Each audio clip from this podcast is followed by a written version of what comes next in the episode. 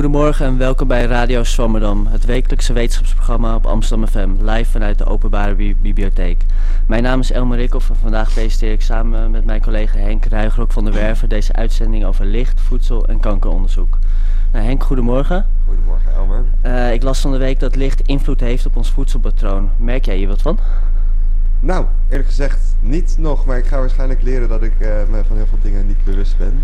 Ja. Het schijnt, er schijnt uh, een boek over te hebben geschreven, dus ik ga het horen. Maar tot nu toe denk ik niet dat het invloed heeft op mijn voedselpatroon. Ja, dus heb je niet uh, dat je in de winter eens zin hebt in uh, andere dingen? Ja, misschien dat heeft vaak meer met de temperatuur te maken, voor mijn idee. Bij de wind, ik heb nu niet per se zin in ijs in de zomer wel, maar ja, dus dat, ja. dat is om te maken ja, met warmte. Maar. Ja, nou oké, okay, nou, we gaan straks meer erover horen. Uh, onze columnist van vandaag is de gastcolumnist Tim Wagenmakers. Hij is programmamaker bij de Bali en freelance journalist. En ooit programmamaker geweest bij Radio Swammerdam. Nou, Tim, welkom. Dankjewel. Uh, ik vroeg jou een paar dagen geleden om een uh, bijpassende column te schrijven bij het onderwerp licht, creativiteit en kankeronderzoek. Is dat een beetje gelukt? nou, dat is denk ik aan jullie of dat gelukt is. Maar uh, nou ja, ik ben geen wetenschapper, dus ik heb het maar wat meer bij mijn vak gehouden. En volgens mij zijn het donkere tijden, toch? Ja, donkere tijden in, in de journalistiek. Ja, nou, waar niet eigenlijk. Tenminste, ja. daar ga ik straks wat meer over zeggen. Oké, nou, ik ben heel benieuwd. Uh, ja, licht is even essentieel voor het leven als de lucht die wij inademen. Van onze slaap en welzijn tot onze creativiteit en keuzes. Je, je kunt het zo gek niet bedenken of licht heeft er invloed op. Toch hebben mensen vaak een haat-liefdeverhouding met licht. Van te veel zonlicht krijgen we immers ziektes zoals huidkanker. Maar licht kan ook juist gebruikt worden om kanker op te sporen. Uh, vandaag de gast in onze studio is Arjan Amelink. Uh, senior onderzoeker bij de afdeling Optica van de TNO in Delft. Uh, momenteel doet hij onderzoek naar hoe we ziektes als kanker in een vroeg stadium kunnen opsporen met behulp van licht. Uh, Arjan, welkom. Dankjewel. Heel le leuk dat je bent gekomen en dat je ook op tijd was met, met de treinen. Ja, bedankt voor de uitnodiging. Ja, nou ja jij doet onderzoek naar opsporing van kanker met behulp van licht. toen ik dat voor het eerst las, dacht ik van wauw, dit is bijzonder. Kun je ons even kort bijpraten waar je precies onderzoek naar doet? Tuurlijk. Samen met collega's van het Erasmus Medisch Centrum zijn wij aan het onderzoeken of we met behulp van een eenvoudige lichtmeting aan de wang kunnen voorspellen of iemand verderop in het spijsverteringskanaal of in de longen een tumor aan het ontwikkelen is. En uh, dus eigenlijk doen we op, proberen we te onderzoeken op een makkelijk bereikbare plek uh, met een simpele, goedkope, pijnloze meting kanker op moeilijk bereikbare plekken zouden kunnen detecteren. Ja, dus, ja, dus dat je het gewoon door middel van licht kun je het vroegtijdig opsporen. Met licht op een makkelijke plek inderdaad kunnen we diagnosticeren of iemand in ieder geval doorverwijzen of iemand een tumor aan het ontwikkelen is. Oké. Okay. Uh, hoe ben je eigenlijk op dit idee gekomen? Um, eigenlijk geïnspireerd door een groep uit Amerika. Die heeft laten zien dat als iemand kanker heeft, dat dat niet alleen maar zichtbaar is op de plek zelf, maar dat ook het omliggende weefsel uh, aangetast is. En wat ze bijvoorbeeld hebben laten zien, is dat je uh, uh, bij de endeldarm via een lichtmeting kan zien dat iemand in de dikke darm een tumor aan het ontwikkelen is. En ook in de twaalfvingerige darm konden ze signalen oppikken van iemand die alvleesklierkanker aan het ontwikkelen is. Dus dat was voor ons eigenlijk inspiratie, want van als aan die aan dat uiteinde van het spijsverteringskanaal werkt, zou het dan ook misschien aan de ingang kunnen werken. Dus kunnen wij dan aan het wangslijmvlies zien of iemand bijvoorbeeld in de slokdarm of longen of hoofd-halskanker aan het ontwikkelen is. Dus dat was onze inspiratie. Oké, ja, heel erg interessant. Nou, zo dadelijk meer over jouw onderzoek. Uh, onze tweede gast van vandaag is Gemma Venhuizen. Uh, ze is fysisch geograaf, freelance wetenschapsjournalist en onder andere auteur van het boek Licht. Uh, normaal gesproken is ze vaste columnist bij ons. Ja, dan zit ik weer eens in een andere. Ik ben al presentator geweest en columnist, dus ik dacht, nou wordt het tijd om eens Ja, wordt tijd om een keer aan de andere kant van de tafel te zitten. Um, ja, ja, welkom. Dankjewel. Um, jij en Arjan kennen elkaar al, uh, geloof ik? Ja, ik heb hem uh, dankbaar geïnterviewd voor een van de hoofdstukken van mijn boek over licht. Ja, en dacht jij net als ik van uh, dit is uh, bijzonder wat hij aan het doen is? Ja, zeker. Ik werd er heel blij van ook. Want nou, Tim zei net al, het zijn donkere tijden. En dat had ik af en toe tijdens het schrijven van het lichtboek ook wel. Want het waren best wel zware thema's die ik soms had. Hè, over uh, huidkanker door UV-straling, over winterdepressie, mensen met lichtallergie. Ik dacht, ik wil er ook voldoende lichtpuntjes in hebben. En nou ja, dat onderzoek van Arjen, dat, dat, dat was, was, een mooie positieve insteek. En ja, heel interessant. Ja, zeker een lichtpuntje. Ehm, ja, je, je, hebt een uitgebreid eh, boek geschreven over lichten waarin je dus de meest uiteenlopende onderwerpen behandelt. Ehm, ja, van waar eigenlijk je fascinatie voor licht? Nou ja, we zijn natuurlijk allemaal in feite uh, lichtervaringsdeskundigen. We hebben er al sinds ons geboorte dag in dag uit mee te maken. Maar het is vaak met van dat soort vanzelfsprekende thema's dat je er helemaal niet bij stilstaat van wat doet het nou precies met je. Tuurlijk weet ik wel dat als het uh, buiten licht is, dan vind ik het makkelijker om op te staan en moeilijker om in slaap te vallen. Maar ik, ik merkte ook door de jaren heen steeds meer dat ik heel vatbaar was voor een winterdip. Ik, aan de ene kant hou ik van de winter. Ik vind het heerlijk. Gisteren ben ik nog gaan langlaufen in de duinen. Maar uh, ik, ik, ik word er wel snel somber van. En daar ging mijn column vorige week bij Zomer dan ook over, over, over winterdepressie. En daar mhm. had ik zelf ook last van. En uh, ik merkte ook tegelijkertijd, ik ben een paar keer in de winter naar het zuidelijk halfrond geweest. Waar het dan dus zomer was. En dan, dan werd ik meteen een stuk energieker en vrolijker. En toen ontstond die fascinatie. En toen was het in 2015 het jaar van het licht. En toen dacht ik, uh, nou, ik, ik ga er een boek, boek over schrijven. Ja. ja. want uh, ja, je hebt heel veel verschillende onderwerpen behandeld. Wat, wat vond je zelf het meest interessante onderwerp? Ja, dat is, uh, oh jee, kiezen tussen je, je, je twaalf kinderen. Twaalf hoofdstukken zijn de twaalf maanden waarin ik eigenlijk op zoek ga naar het licht. En um, het, is, het is echt, nou ja, weet je, heel uh, uiteenlopend van uh, licht en voeding tot licht en creativiteit. Um, waar ik het meest misschien van onder de indruk was, was de mensen die lichtallergie hebben. En die dus ook echt soms overdag niet naar buiten kunnen, omdat ze dan allemaal ernstige verbrandingen op hun huid krijgen. Die zijn allergisch voor de zon en die moeten dus grotendeels in het donker leven. En daar heb je verschillende vormen van. En ik heb een paar van die mensen gesproken voor mijn boek. En hoe die hun leven dan inrichten. Nou, ik heb daar wel veel respect voor. Ja, ik las ook uh, dat ze dan een soort van maanpakje aan moeten trekken, omdat ze uh, bij de, bij, ook maar bij één zonnestraal huidkanker kunnen krijgen. Ja, dat geldt niet voor alle. Dit is wel de, meteen de ernstigste vorm die je noemt, want je hebt het in verschillende vormen en verschillende gradaties. Maar er zijn twee Franse broers inderdaad, die heb ik niet persoonlijk gesproken, maar die gaan met een soort astronautenpak naar buiten, omdat ze uh, gewoon echt geen, geen licht kunnen verdragen. Ja. Maar ook geen kunstlicht? Nou, dat, dat verschilt ook weer. Zij uh, hebben daar wel last van, maar andere mensen die hebben uh, specifiek alleen maar de UV-straling van de zon waar ze niet tegen kunnen. Maar je hebt ook mensen die kunnen net niet tegen bepaalde golflengtes, bijvoorbeeld tegen uh, licht van beeldschermen of zo, kunnen ze niet. Dat, ja, heftig hè?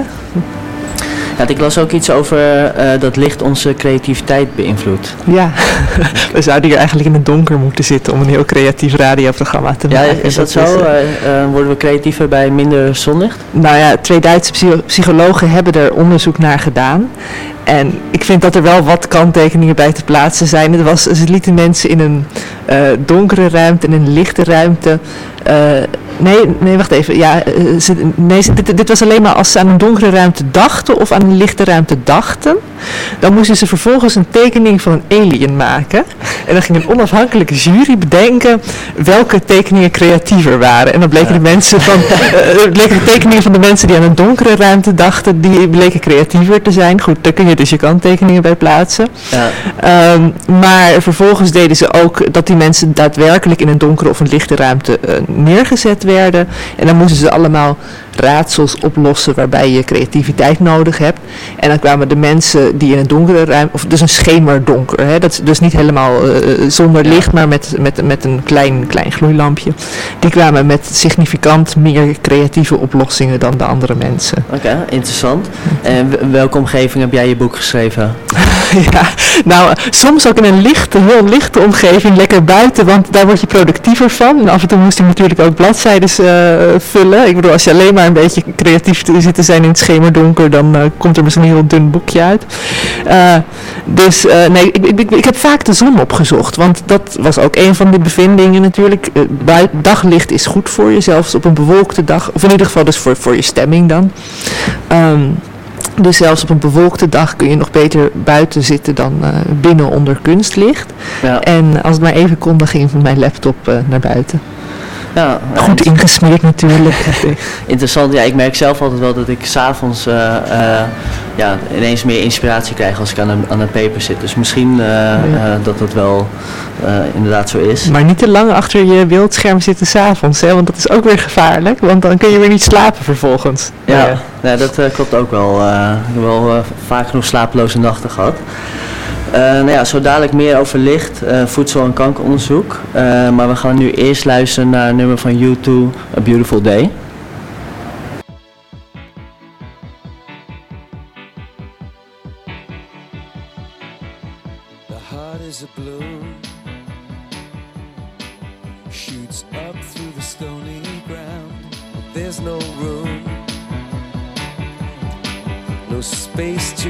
in you're out of luck.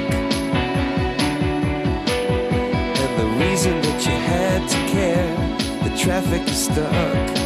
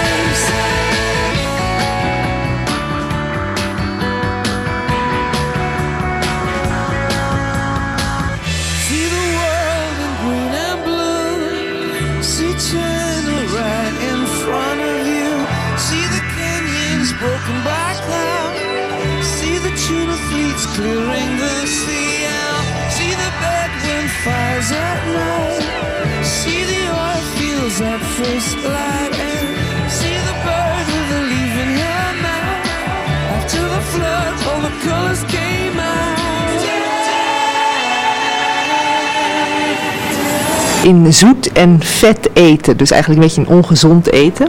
Maar het voordeel is wel weer dat je kleinere porties eet. En uh, tegelijkertijd in een hele lichte ruimte heb je weer zin in gezonder eten, maar eet je weer meer. En ik vraag me wel eens af hoe dat in een snackbar gaat, want daar kun je niet echt een gezonde keuze maken. Dus misschien maken ze daar goed gebruik van dat je dan opeens, dat je eetlust heel, uh, heel groot is. Ja, dat is een van de dingen hoe het, uh, hoe het je eetlust beïnvloedt. Maar ja, ze maken er op allerlei manieren gebruik van.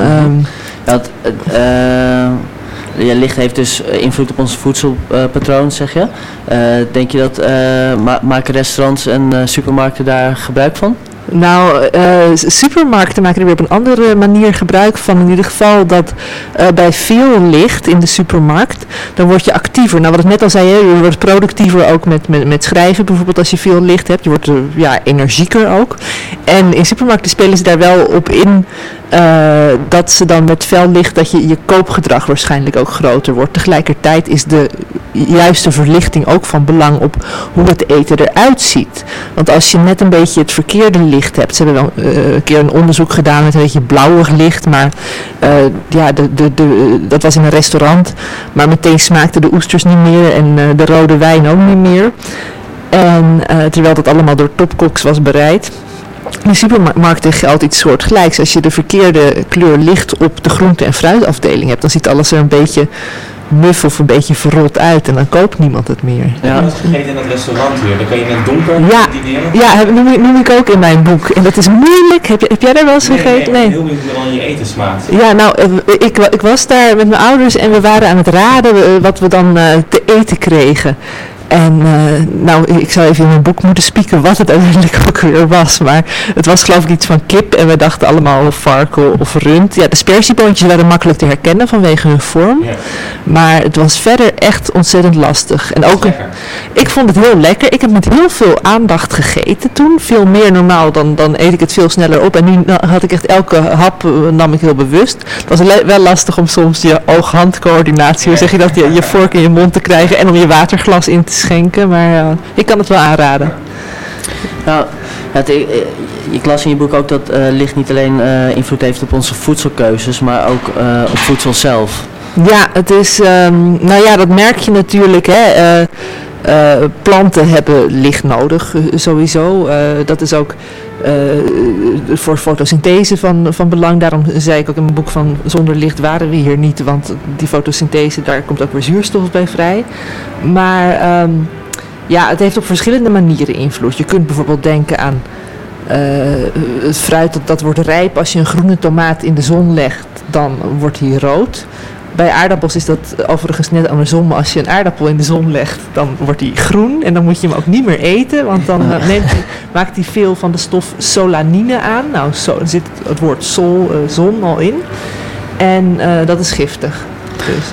Nou, ja, de, ja, je zei het al zo even, maar licht heeft ook invloed op de voedingsstoffen van een plant, toch? Ja, het is, um, ze zijn nu heel erg veel ook aan het experimenteren met uh, verschillende vormen van, van kunstlicht, van ledlicht op uh, voeding. Ze, willen, ze zijn echt een heel soort gesloten systeem aan het ontwikkelen waarin ze gewassen onder de optimale lichtcondities kunnen kweken. En dan heb je vervolgens ook uh, verschillende kleuren licht die zorgen ook voor verschillende voor toename van natrium bijvoorbeeld. Maar ik zou weer nogmaals even in mijn boek moeten spieken welke kleur uh, licht dat nou precies, welke kleur nou, nou goed is voor natrium. Want um, ik heb dat boek wel geschreven, maar het is uh, af en toe eventjes uh, ben ik vergeten wat, wat precies de goede kleur licht is. Ja, dit is geen verkapt promotiepraatje van koop dit boek allemaal nee, als je wil weten. Maar toch allemaal kopen. Dat, ja.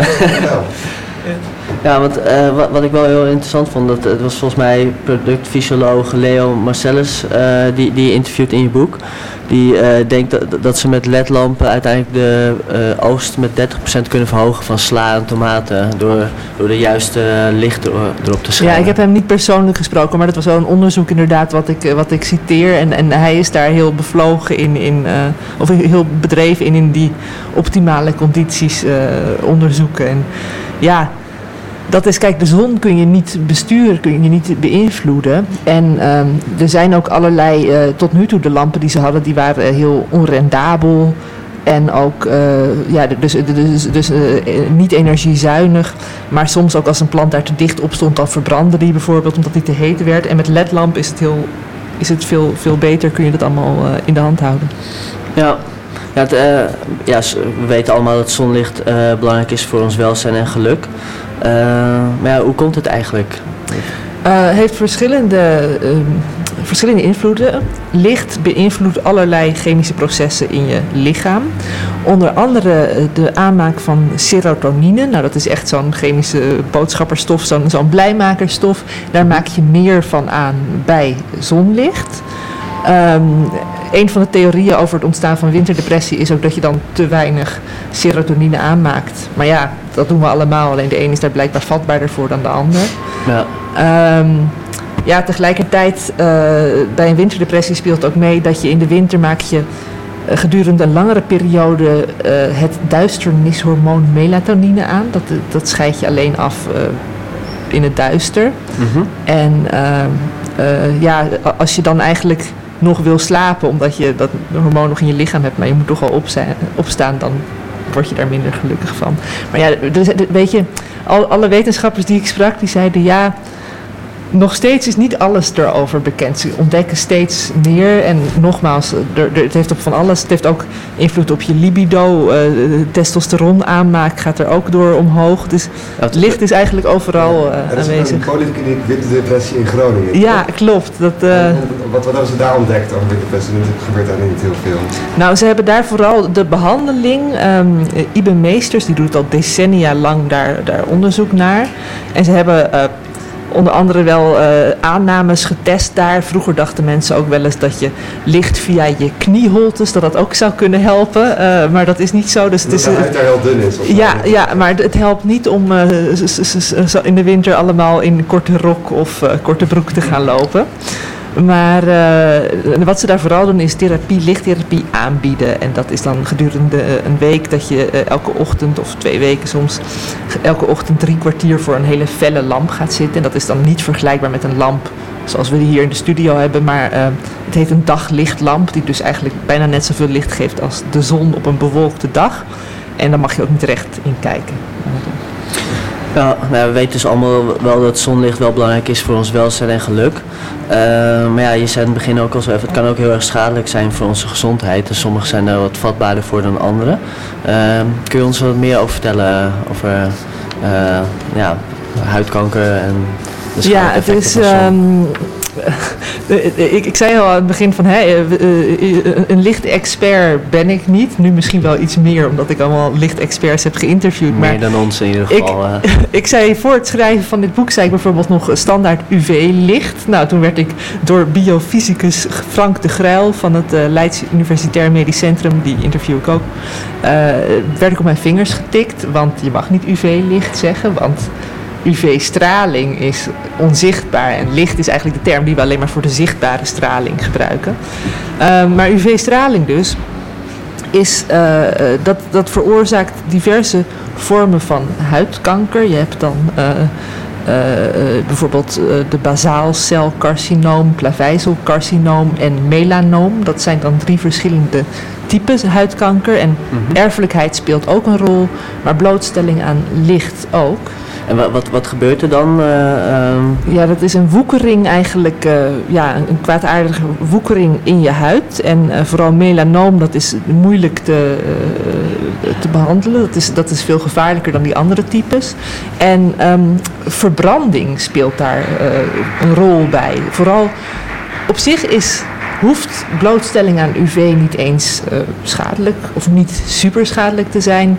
Uh, die Frank de Gruil die ik interviewde, die zei zelfs van nou ja, of je dan naar een zonnebank gaat, goed. Zolang je het maar met mate doet, valt het mee. Maar... Ja, want ons lichaam kan, kan, uh, ook, kan zichzelf ook herstellen. Ja, en het is ook, um, ook weer gewenning. Het is een, weer een vorm van gewenning. Als je het hele jaar door een klein beetje UV-straling als je huid dat krijgt, dan is de kans op wat ik net noemde, die basaalcelcarcinoom, dus een andere vorm van huidkanker, wel iets groter. Dat is ook bij mensen met een buitenberoep. Maar dat is een relatief onschuldige vorm van kanker.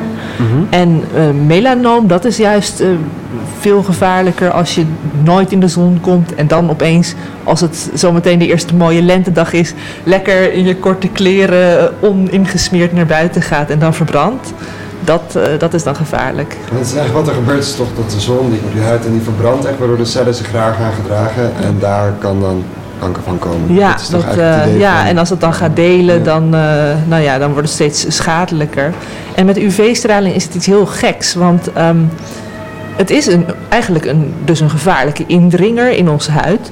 Maar wij zijn erfelijk zo geprogrammeerd dat het immuunsysteem dat toelaat. Uh, bij mensen met een lichtallergie reageert hun immuunsysteem eigenlijk heel alert. Van hé, hey, wat, moet wat moet die UV-straling erin? Want dat zorgt voor kanker, zorgt voor veroudering. Weg ermee. En daarom hebben ze al die allergische reacties.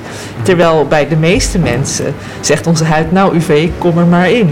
En dat, uh... Maar is dat dan ook omdat de UV-straling ook meebrengt dat je vitamine D binnenkrijgt en de serotonine en dat het eigenlijk ja, is een soort UV-straling voor lief nemen? Het is een dat... beetje, nou ja, eigenlijk net bijvoorbeeld als met zuurstof. Dat is tegelijkertijd, we kunnen niet zonder zuurstof, maar het zorgt ook uh, voor, voor aller, allerlei ongewenste verouderingsprocessen in ons lichaam. Hè. Vrije radicaal, nou goed, daar Als ik een boek over zuurstof schrijf, weet ik daar alles van. Maar in ieder geval, het heeft ook nadelige effecten. En um, met licht is het net zoiets. Het heeft voor's en tegens. En uh, ja, evolutionair gezien is het dan blijkbaar net iets gunstiger om wel UV-straling binnen te laten. En wat je zegt, vitamine D, dat is weer belangrijk voor je botten, voor je tanden, maar ook weer voor allerlei andere secundaire processen. Ja, wat, zit er eigenlijk nog verschil tussen verschillende huidtypes uh, als het gaat om huidkanker? Ja, op zich wel. Het is niet zo één op één dat als je donker haar en uh, donkere ogen hebt, dat je dan ook uh, minder vatbaar bent, helaas. Ik heb zelf bruine ogen en bruin haar, dus ik dacht altijd, nou, kom er goed vanaf. Maar ik verbrand heel snel. Ik heb ook heel veel moedervlekken. En moedervlekken, nou ja, die kunnen zich ook snel tot melanoom ontwikkelen. Um, maar het is over het algemeen wel iets meer dat mensen met een, uh, ja, met een wat donkerdere huid, dat die beter beschermd zijn tegen de UV-straling dan mensen met een heel bleke huid. En waar heeft dat mee te maken dan? Met, met pigment. Ja, dat uh, ja, ja, ja het, beschermend laagje. Het, het, lijkt erop dat, uh, nou ik zei het in het begin al, we hebben een soort van haat-liefde verhouding met licht. Uh, want we, aan de ene kant worden we er gelukkig door, maar we kunnen er dus ook ziek door worden. Uh, ja, wat is eigenlijk het advies uh, van de, de lichtexperts? Ja, niet maar zo met mate. Nee, uh, to, toch wel, um, wel naar buiten gaan. Zeker naar buiten gaan. En, en absoluut ook op een dag als vandaag. Dan reflecteert het schaarse zonlicht reflecteert ook nog lekker door de sneeuw in je ogen. Dat is fijn. En ook hoe meer je dus eigenlijk jaar rond buiten bent, hoe beter je ook weer beschermd bent tegen, tegen verbranden. Als je het een beetje slim aanpakt. En ik bedoel, ga niet zomers uh, urenlang liggen bakken op het strand, want dat is vragen om problemen. Ja. Maar uh, geniet ervan. En ook als je binnen zit, uh, ook op je werk bijvoorbeeld, uh, vecht om het plekje bij het raam. Ja, jij zit nu met je, met je rug naar het raam toe, dat is jammer. Maar ik kijk lekker naar het uh, buitenlicht en daar word je toch gelukkiger van. Ja.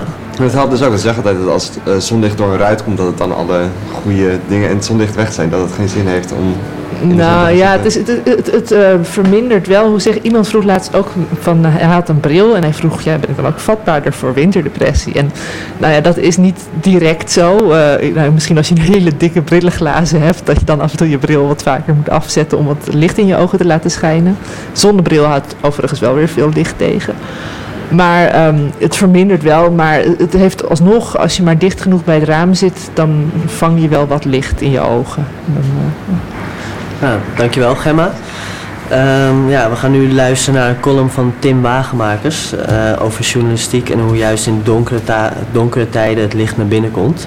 Uh, Tim, mag ik jou het woord geven? Ja, ja het gaat niet helemaal over journalistiek, want, want ik, ik, ik zat hier een tijdje over na te denken en het laatste wat ik wilde in mijn eerste column voor Radio Zwammerdam is zo'n vervelende moraalridder zijn die eens gaat uitleggen hoe de wereld in elkaar zit.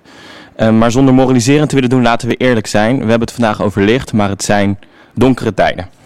Neem deze week president Trump, die constant ruzie trapt met wereldleiders, rechters, de helft van het land. En eigenlijk zelfs ruzie trapt met het stuk papier dat normale mensen een grondwet zouden noemen.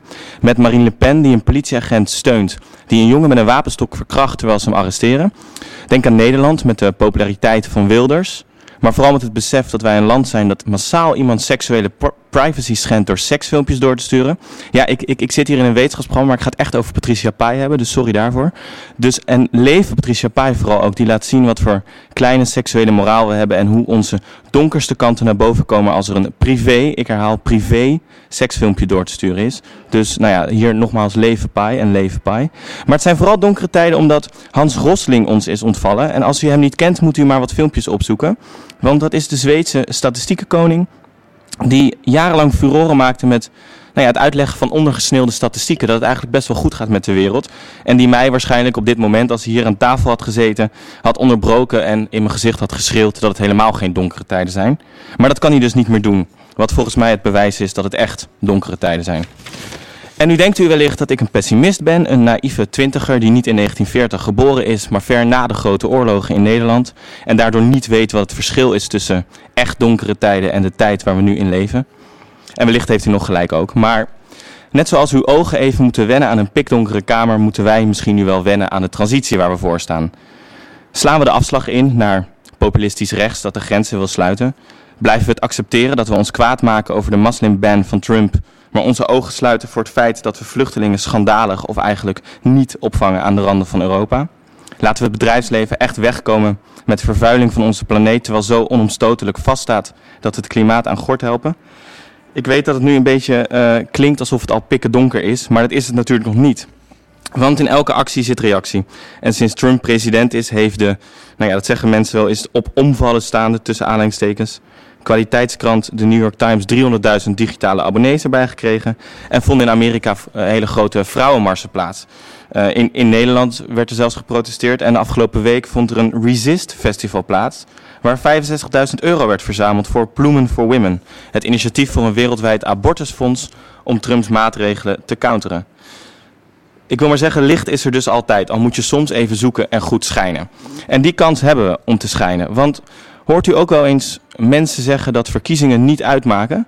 Dat uiteindelijk politici en politieke partijen allemaal één pot nat zijn en dat er dus uiteindelijk toch nooit wat verandert? Probeer dat maar eens vol te houden nu Trump president is.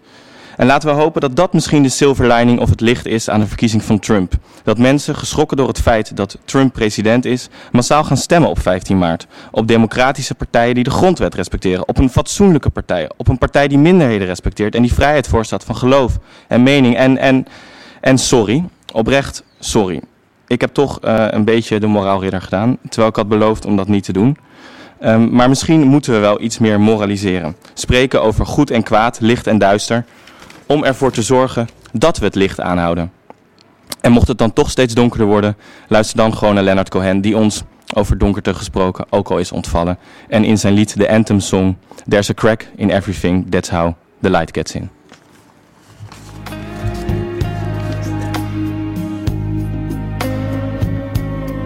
Birds they sing at the break of day. Start again. I heard them say, Don't dwell on what has passed away or what is yet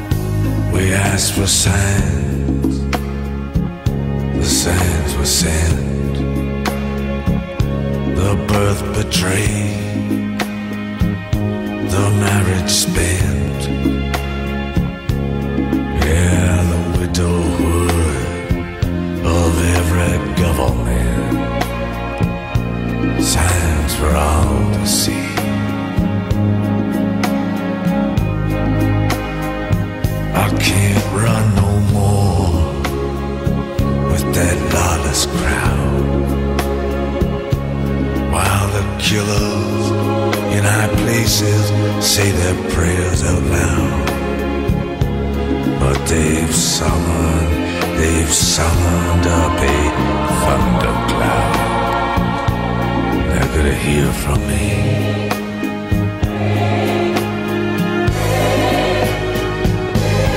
Ring the bell that still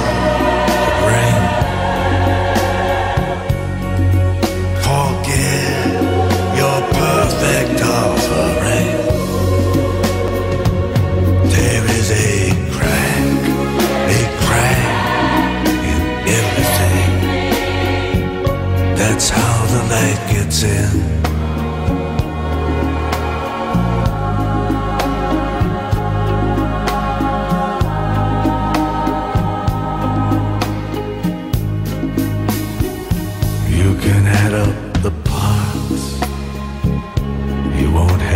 sum. Radio Swammerdam, u luistert naar het prachtig nummer van Leonard Cohen, Anthem. Tim, bedankt voor je column. Ja, graag gedaan. Uh, there's a crack, a crack in everything, that's how the lights get in. Prachtig citaat van Leonard Cohen. Um, ja, dan gaan we nu verder met onze tweede gast van vandaag, Arjan Amelink. Hij is senior onderzoeker bij de afdeling Optica van de TNO in Delft. Nou, Arjan, welkom. Dank je. Um, je hebt ons al verteld, uh, kort verteld over je onderzoek. Uh, uh, dat je onderzoek doet naar nieuwe methoden met, om met behulp van lichtmetingen eigenlijk kanker vroegtijdig op te sporen. Ehm, kun je ons uitleggen hoe deze techniek precies werkt? Dat kan ik in ieder geval proberen. Um, de techniek werkt door eigenlijk met een, een, een lichtbundel via een glasvezel. zetten we die op het weefsel. En dat is gewoon een heel simpel lampje, zo'n halogeenlampje, heeft alle kleuren in zich. En wat we dan doen is dat, eh, dat we gaan kijken hoeveel licht er terug in die glasvezel weer komt. want als het licht in het weefsel komt, dan wordt het verstrooid. Het gaat van richting veranderen, gaat alle kanten op. En de manier waarop dat zeg maar verstrooid wordt door het weefsel, dat zegt iets over de onderliggende structuur van het weefsel. Maar een deel van het licht wordt niet alleen verstrooid, het wordt ook geabsorbeerd. Uh, met name bloed heeft hemoglobine in zich. En hemoglobine absorbeert licht heel goed, met name in het blauw en in het groen. En als je dus gaat kijken, gaat analyseren hoeveel licht er nou terugkomt per golflengte, dan kun je dat iets, iets zeggen over de samenstelling van het weefsel. En zo zijn we dus eigenlijk heel gevoelig voor met name die vroege veranderingen, die dus al plaatsvinden als een tumor ergens anders aan het ontstaan is. Dus eigenlijk kijk je hoe het licht anders uh, interacteert met, met het weefsel dan normaal. Precies, precies. Dus we kijken ook van hoe gaat het normaal door het weefsel heen.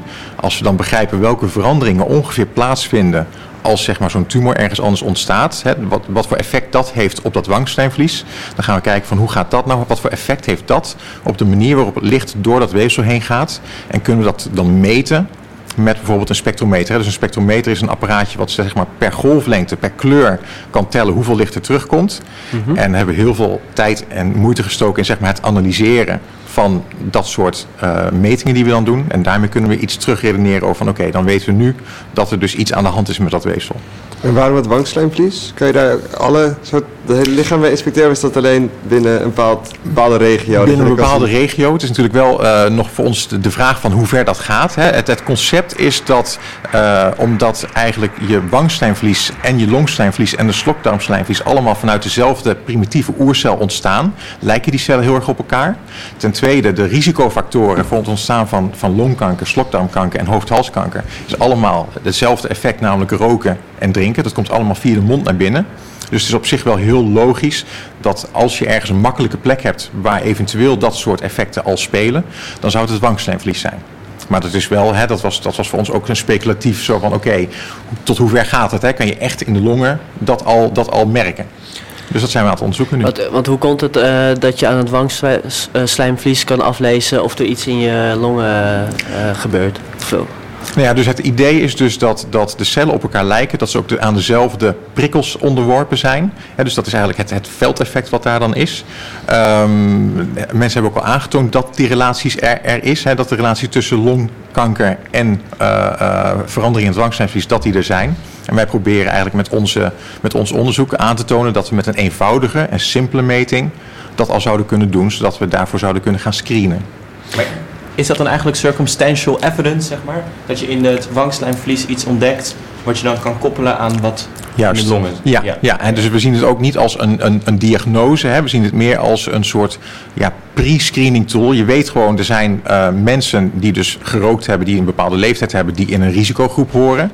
Maar je kunt ze niet allemaal zo'n volledige uh, uh, conventionele screening laten doen. Je kan niet overal een CT-scan maken, is veel te duur. Je kan hè, niet overal een bronchoscoop, dat is zo'n zo'n camera die je naar binnen schuift. Dat kan gewoon niet. Maar als je een voorselectie kan maken, op basis dus van een eenvoudige, goedkope meting, die dus iets zegt van, goh, het is verdacht, hè, dan zou je dus wellicht dat, dat wel kunnen gaan doen.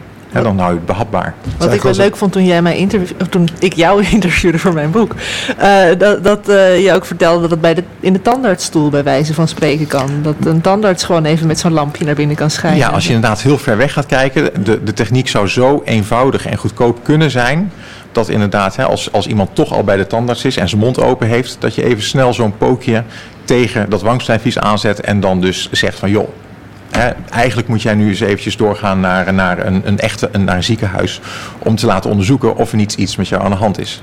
Dat zou kunnen, of dat nou de echte meest kostend-effectieve implementatie is voor dit soort uh, onderzoek? Dat is, dat is de vraag. Hè? Dus dat is, dat is wat we iets in de volgende fase moeten gaan uitzoeken. Van hoe ga je dit nou echt implementeren? En hoe vaak slaat het eigenlijk uit, die test? Je hebt, je test nu al vaker gedaan, neem ik aan. Want stel dat het nu bij de tandartsstoel komt. En maar als er dan opeens uh, een paar duizend mensen elke dag in het ziekenhuis worden gestuurd... omdat ze eventueel heel misschien kanker hebben dan hebben ze uiteindelijk ook nog een beetje een probleem, toch? Want het ziekenhuis zal steeds al die grotere tests gaan doen. Nou, precies. Dus, dus dat, dat is eigenlijk de fase waar we in de volgende fase naartoe moeten. Dat we dat precies moeten gaan uitzoeken van hoe goed is de test nou? En daarmee kun je ook, eh, kun je ook spelen. We hebben nu, tot nu toe wat we gedaan hebben is uh, 150 patiënten geïncludeerd, maar wel dus 50 uh, mensen met uh, hoofd-halskanker, 50 met slokdarm, 50 met longkanker. We hebben de hoofd-halsgroep hebben we nu helemaal klaar. En daaruit blijkt eigenlijk dat we zeg maar uh, vier van de vijf gevallen goed zouden voorspellen. Dan is de vraag, is dat dan voldoende hè, om, om, om dat te doen? Je kan ook een beetje kiezen daarin, drempels kiezen in je, in je test. Hè. Dus je zegt van, nou ja, uh, ik leg de test heel scherp en dan uh, stuur ik bijna niemand door. Maar dan zul ik dus ook veel tumoren missen. Je kan ook zeggen van nou, ik stuur zoveel mogelijk door, dan heb ik alle tumoren binnen. En waar die grens ligt, die drempel ligt tussen kosteneffectiviteit, en de baten en de lasten van een screening. Dat is wat je echt in de volgende fase moet gaan, gaan onderzoeken. En je wil inderdaad niet dat je heel veel mensen onterecht doorverwijst. wat, wat, wat, is, ik, eh, als je het hebt over een drempel, uh, wat, wat, is gebruikelijk in de medische wereld? nou ja, dan, hangt dat per geval? Uh... Dat hangt inderdaad helemaal af af van, van ook de, de, vervolgstap van, van de screening. dus dus uh, als wij zeggen van joh, um, we verdenken jou van longkanker. Als dan de vervolgkosten heel erg groot zijn, dan, dan moet je de drempel anders leggen. Um, je zou kunnen denken aan bijvoorbeeld uh, screening voor, uh, voor darmkanker. Hè. Dat gebeurt nu dan met, met een uh, ontlastingssample. Als daar bloed in zit, dan sturen ze mensen door. Maar de vraag is van ja, hè, is een druppeltje bloed voldoende of moet je heel veel bloed hebben voordat je iemand doorstuurt. Dus die drempels, daar kun je in kiezen. Het is eigenlijk een soort van ethische vraag of ethische kwestie. Van... Zonder meer, dat zit er ook bij. Ja. Ja, ja want uh, in, in eerste instantie uh, ben je een klinische studie begonnen, toch? Ja, samen met het Erasmus Medisch Centrum, ja. Uh, en en wat, wat houdt het precies in? Dat houdt dus eigenlijk in dat je, dat je in eerste instantie wil kijken van... Goh, het was redelijk speculatief, hè, die hypothese van... Goh, hoe ver kan dat nou? Hè? Kan dat nou echt? Uh, dus dat wil je testen in een relatief kleine groep patiënten. Dus dan, dan ga je patiënten die toch al komen naar het ziekenhuis op een bepaalde verdenking... Uh, die ga je dan vragen van wilt u meedoen aan deze studie? Uh, als ze ja zeggen, dan zetten we dus inderdaad ons, ons pookje, ons lichtpookje op het wangsnijvlies. Doen we de metingen, analyseren we de metingen. En dan gaan ze vervolgens ook kijken van hebben ze nou echt een tumor of niet. Uh, hebben we dan 25 patiënten met tumor, 25 patiënten zonder tumor. En dan gaan we dus tussen die groepen kijken. Zien we nou inderdaad verschillen in het wangstijnvlies met onze methode? Nou, ja. en dat blijkt dus zo te zijn. Dus dan is het de kwestie van ja, nu gaan we dus de vervolgstap zetten van wat zijn nou de beste criteria om iemand, uh, hè, wie moet je nou gaan bedienen? Welke, welke patiënten horen hier uh, gescreend te worden? Werkt het ook in een grote populatie die niet automatisch in het ziekenhuis zouden zijn. Hè? Want als je in het ziekenhuis gaat, dan heb je al een symptoom. En, en wordt zo'n meting dan uh, ook automatisch verbeterd als je, uh, als je meer personen onderzoekt? Ja. Omdat je meer data hebt? Als je meer data hebt, dan kun je eigenlijk inderdaad die, die drempelwaardes beter uh, neerleggen. Dus, dus hoe meer data we hebben, hoe beter ons algoritme zal zijn. Dus dat train je ook echt op zeg maar, de patiënten. En op een gegeven moment houdt het op, dan ga je het gewoon implementeren. En, en hoe belangrijk is dit onderzoek? In de zin van je kan zeggen, je kan nu eerder screenen of makkelijker screenen. Maar ga je ook meer uh, mensen die kanker hebben ontdekken? als dit werkt. Ja, dat is natuurlijk wel de bedoeling. Uh, het, het vervelende van bijvoorbeeld de, de, de, de kankersoorten waar we nu naar kijken, hè, hoofd-halskanker, slokdarmkanker, longkanker, is dat ze vaak in een pas laat stadium ontdekt worden, omdat ze eigenlijk nooit symptomen hebben. En in een laat stadium van ontdekking uh, is de therapie altijd heel intensief en, en vaak ook niet succesvol. Terwijl als je ze in een vroeg stadium kan pakken, dan is de therapie goedkoop, eenvoudig en vaak ook succesvol. Uh, dus wat je inderdaad wil is zorgen dat mensen die nog geen symptomen hebben, dat je die dus al kan verwijzen. Maar je kan dus niet iedereen die, die grote test laten doen. Dus als je een klein voortestje hebt, waar je kan selecteren van nou ja, jullie zouden eigenlijk de, de conventionele screening moeten hebben. Dan denk ik dat je inderdaad heel veel tumoren die anders groot zouden worden in een vroeg stadium kan pakken. En daarmee de ja, kanker de wereld uit helpen en in ieder geval uh, kosteneffectief Heb je alles daarvoor om dat mogelijk te maken? Of, of, of is, is dat, zijn er nog grote obstakels waarvan je zegt, ik doe funding of wat dan ook? Hoe, hoe... Funding is altijd een issue inderdaad. Dus, dus hè, we hebben nu uh, de eerste fase gehad waarin we uh, voor onszelf hebben gezegd, nou, hè, we moeten in ieder geval aan deze patiëntgroep moeten we iets kunnen zien, anders hoeven we niet door te gaan. Maar de vervolgfase is om dat in, dus in een grotere groep patiënten te valideren.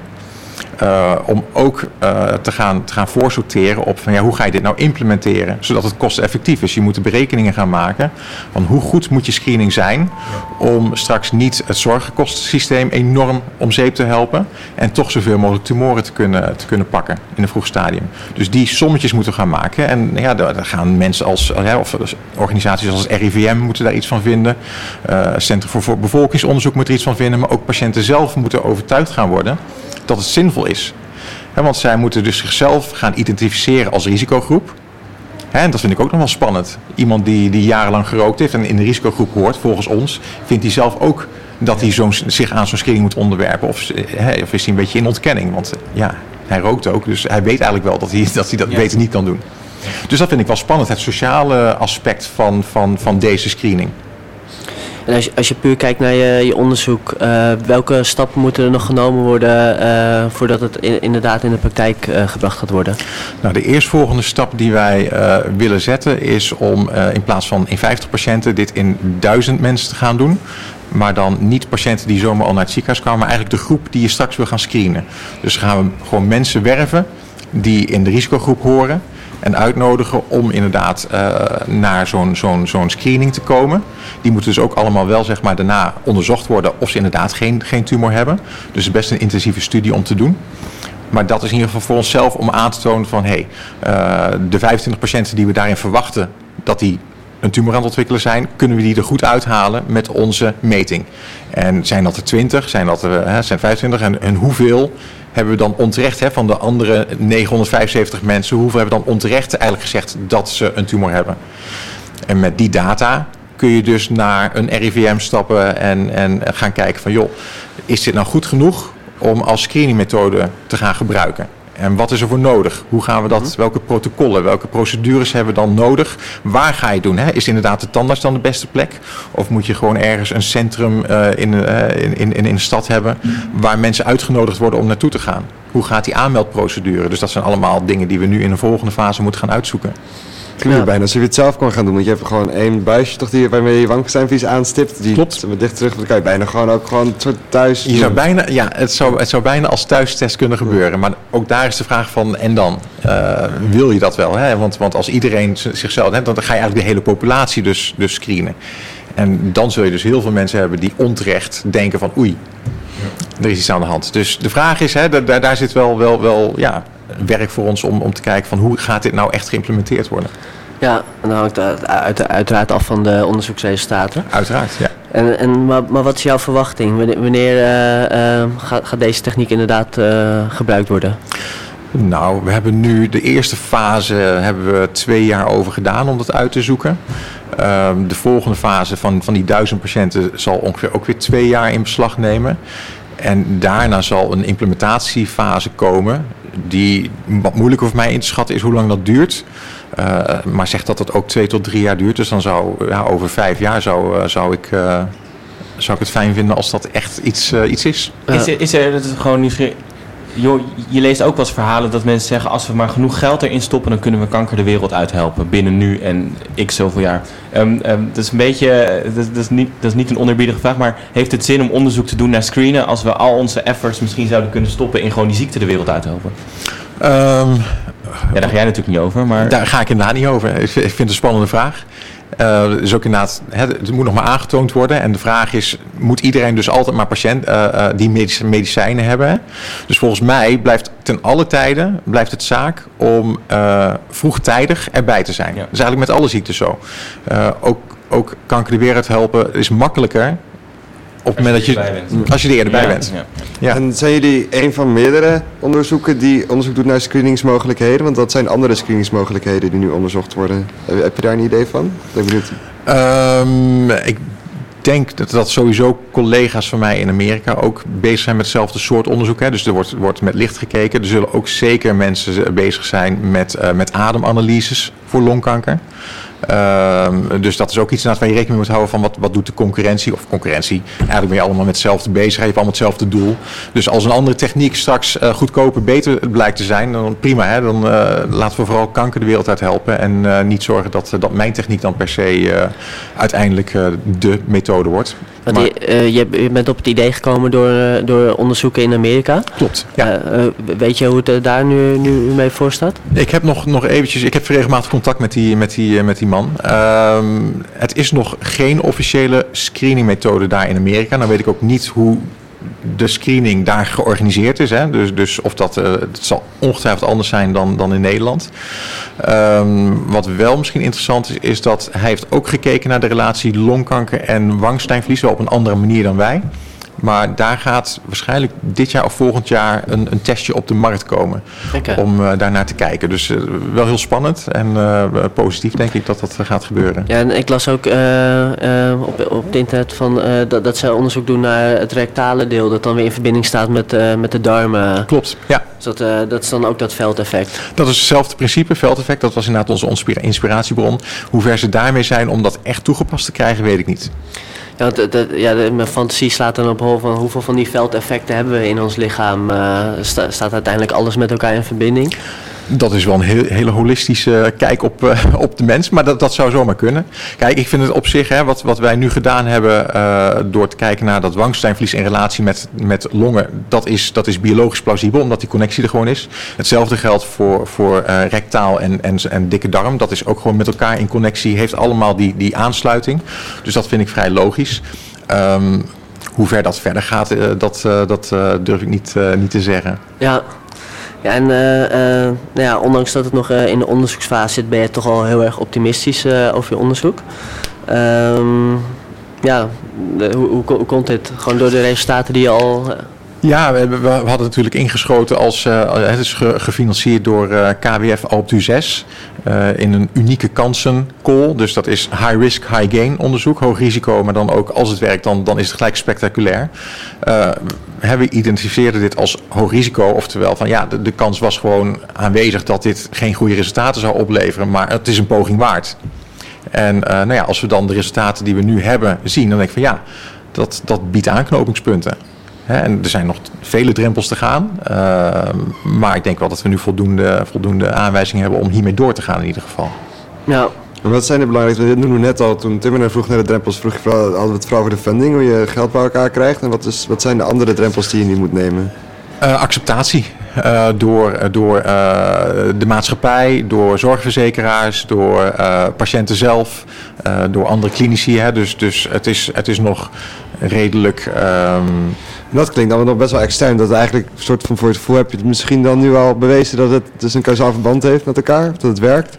En dat zijn allemaal alleen mensen die overtuigd moeten worden van, van jou gelijk. Ja, maar dan moeten we niet, dat moet je niet onderschatten hoe moeilijk dat is. Um, en voor onszelf is nog wel de volgende fase. Hè. We hadden nu uh, die patiënten die al naar het ziekenhuis kwamen. En ik vind het nog wel belangrijk om zeg maar, de, de populatie die je echt zou willen screenen, om die uh, nu te gaan, gaan bekijken. Dus die duizend mensen die eigenlijk geen symptomen hebben en in de risicogroep behoren, dus het, de uiteindelijke doelgroep, dat we daarin laten zien dat dit werkt. Dus dat is voor onszelf nog wel... Uh, wel uh... misschien, het, het, klinkt zo raar, acceptatie. Ik bedoel, er is iets wat, wat je kan helpen om eerder bij een ziekte te komen. En in principe gaan we ervan uit dat we allemaal niet dood willen, zeg maar. Dus hoezo is dat moeilijk om, om dat proces? Kun je er iets over zeggen? Nou, dat, he, dat heeft ook te maken met, met mensen die, die roken. Ik bedoel, ja, iedereen weet dat het niet goed voor je is en dat, je, dat de kans dat je, dat je kanker krijgt groter is. En toch Hè, volgens mij is het algemeen gespeeld dat het zo is. En toch blijven mensen roken. Ja, ik snap het ook ontkenning. niet. Goed, ja, ontkenning. Ja. Nou, ik rook zelf wel. En, maar ik heb wel heel erg, zeg maar, als we zo'n testen zijn, dan zou ik best wel heel vaak even willen testen. Van, heb ik al longkanker of niet? Kan ik... Ja, maar dan zou jij het gebruiken als ik kan nog doorroken, zeg maar. Het is niks ja, aan de hand nu. Ja, nu ga ik gewoon door. Ja. Weet ik niet. Nee, oké, ja. ja. Ik hoop dat ik voor dat het zover is uh, gestopt ben. Maar tot nu toe gaat het nog niet zo heel goed met dat stoppen. Nou, ja, ik denk uh, dat we zijn toegekomen aan een van de laatste vragen. Um, ja, tot slot, hoe zie jij de toekomst voor je? Wat, wat, hoop je? Nou, het, zou mooi zijn als dit inderdaad binnen, binnen vijf jaar als, als screening tool geaccepteerd is. En dat vooral dat, dat kanker de wereld geholpen, uitgeholpen kan worden. Ja. Nou, nou dankjewel uh, voor, je, voor je komst. Alsjeblieft, graag gedaan. Uh, ja, ik hoorde eindtune al. Uh, dus we zijn weer aan het einde gekomen van een aflevering van Radio Swammerdam over licht- en kankeronderzoek. Ik hoop dat u thuis een stuk wijzer en lichter bent geworden. Iedereen het licht aanzet thuis nu. Ja, ja, ja. of juist uitzetten, zodat je wat creatiever wordt. Altijd buiten gaan en een lichtje scheppen, zoals Gemma dat nu de hele tijd zegt. Ja, ik, ik dank u bij mijn collega Henk en uiteraard de gasten, van vandaag Arjan Amelink, Gemma Venhuizen en Tim Wagenmakers. Uh, achter de knoppen stond vandaag Marie Bet, jij ook bedankt. Uh, volgende week zullen Vrouwtje Waterbolk en ik in gesprek gaan met Maarten Reinders en Jan Willem van Prooijen over complotdenken. Uh, wilt u verder op de hoogte blijven van het laatste nieuws, volg ons dan op Twitter en Facebook. En fragmenten van de uitzending kunt u later terug beluisteren op de website van Amsterdam FM. En de gehele uitzending is terug te beluisteren via de website van ra radioswammerdam.nl. Of uh, via onze podcast, Soundcloud of Stitcher zoekt u dan op Radio Swammerdam. Mijn naam is Elmer Rikhoff, graag tot volgende week.